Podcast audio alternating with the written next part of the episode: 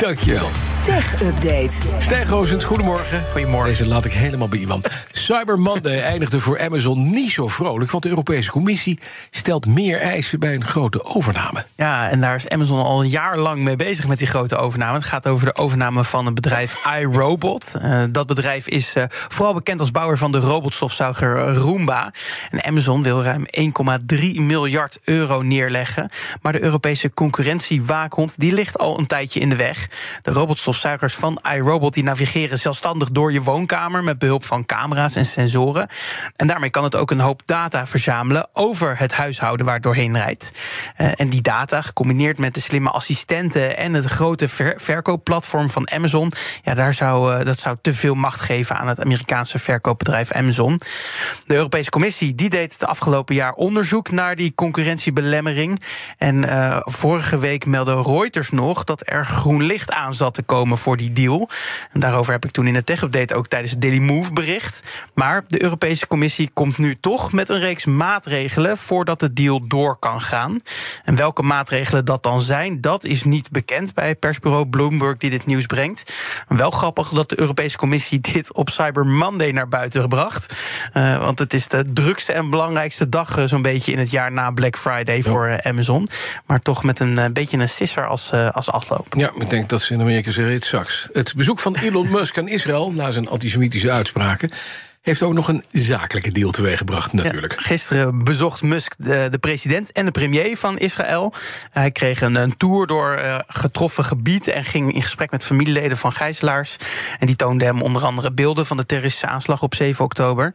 En het was uh, een beetje een vreemd bezoek, uh, zeker na de antisemitische uitspraken die Musk onderschreef op zijn platform X. En bovendien is er al de afgelopen weken een behoorlijke leegloop aan adverteerders op zijn sociale media platform. Omdat naar buiten kwam dat advertenties naast, uh, naast uh, berichten met haatdragende en antisemitische content getoond werden. En het lijkt dus een beetje een soort goedmaakbezoek van Elon Musk. Um, en er is ook een soort goedmaakdeal gesloten te zijn, zo lijkt het. Musk is namelijk niet alleen de eigenaar van Platform X, maar ook van SpaceX. En dus ook van Starlink. En ja. die satellietcommunicatie van Starlink die werd, werd onder andere al in Oekraïne ingezet tijdens de oorlog. En Musk bood vorige maand al aan dat de satellieten ook in Gaza helpen bij communicatie. De, en destijds werd dat aanbod afgeslagen door Israël zelf, omdat Hamas daar dan natuurlijk misbruik van kon maken.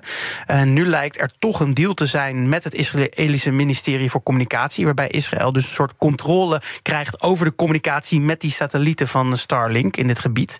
Musk gebruikt Starlink dus als een soort van belangrijk diplomatiek middel en wil zichzelf daarbij dan uh, ja, graag mengen in dit soort oorlogen. Uh, hij heeft uh, in ieder geval Israël aan zijn zijde, ondanks die commotie dus rond die antisemitische uitlating. Ja, en nog een deeltje naar huis. Ja.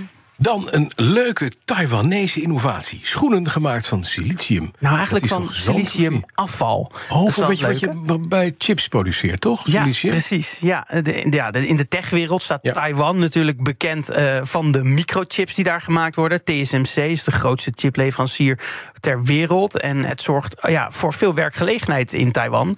Maar het uh, maken van chips, ja, daar komt ook veel afval bij vrij. En nu is er een Taiwanese ondernemer die daar goed geld aan wil gaan verdienen. Namelijk uh, vooral aan het siliciumafval. Uh, want uh, het schoenenmerk Cecilu die recycelt dat afval in haar schoenen. Vorig jaar begon dat met pantoffels van dat afval.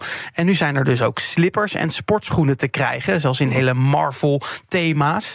En volgens de CEO van het schoenenmerk wordt daarmee een halve liter olie per schoen bespaard. En ook de CO2-uitstoot zou 1 kilogram lager liggen voor de productie.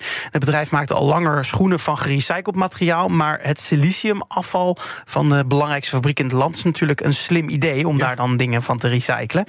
Uh, en ja, ik denk dat het nog best een goede modehype kan worden onder de tech-nerds. Schoenen van microchip afval. Nou, we zien de eerste Sisilu schoenen graag in de schaal van hebben. Terug oh, ja, ik ga het dragen. Ik, ik lijkt me een uitstekend. Ik wil graag weten hoe het loopt. Is goed. Want silicium afval, dan denk je, wat is dat? Want silicium is natuurlijk eigenlijk zand. Hè? Het, het is, ja. het is glas, zandachtig spul. Ja, en maar daar nou schoenen van maken, denk ja, ik dan? Het is in ieder geval stevig materiaal. Ja. Maar als je het recycelt, kan je er waarschijnlijk van alles van alles maken. maken. Nou, we gaan het overmiddel. In de van hebben. Zeker. Koosens, dankjewel. De BNR Tech Update wordt mede mogelijk gemaakt door Lenklen. Lenklen. Betrokken expertise, gedreven resultaat.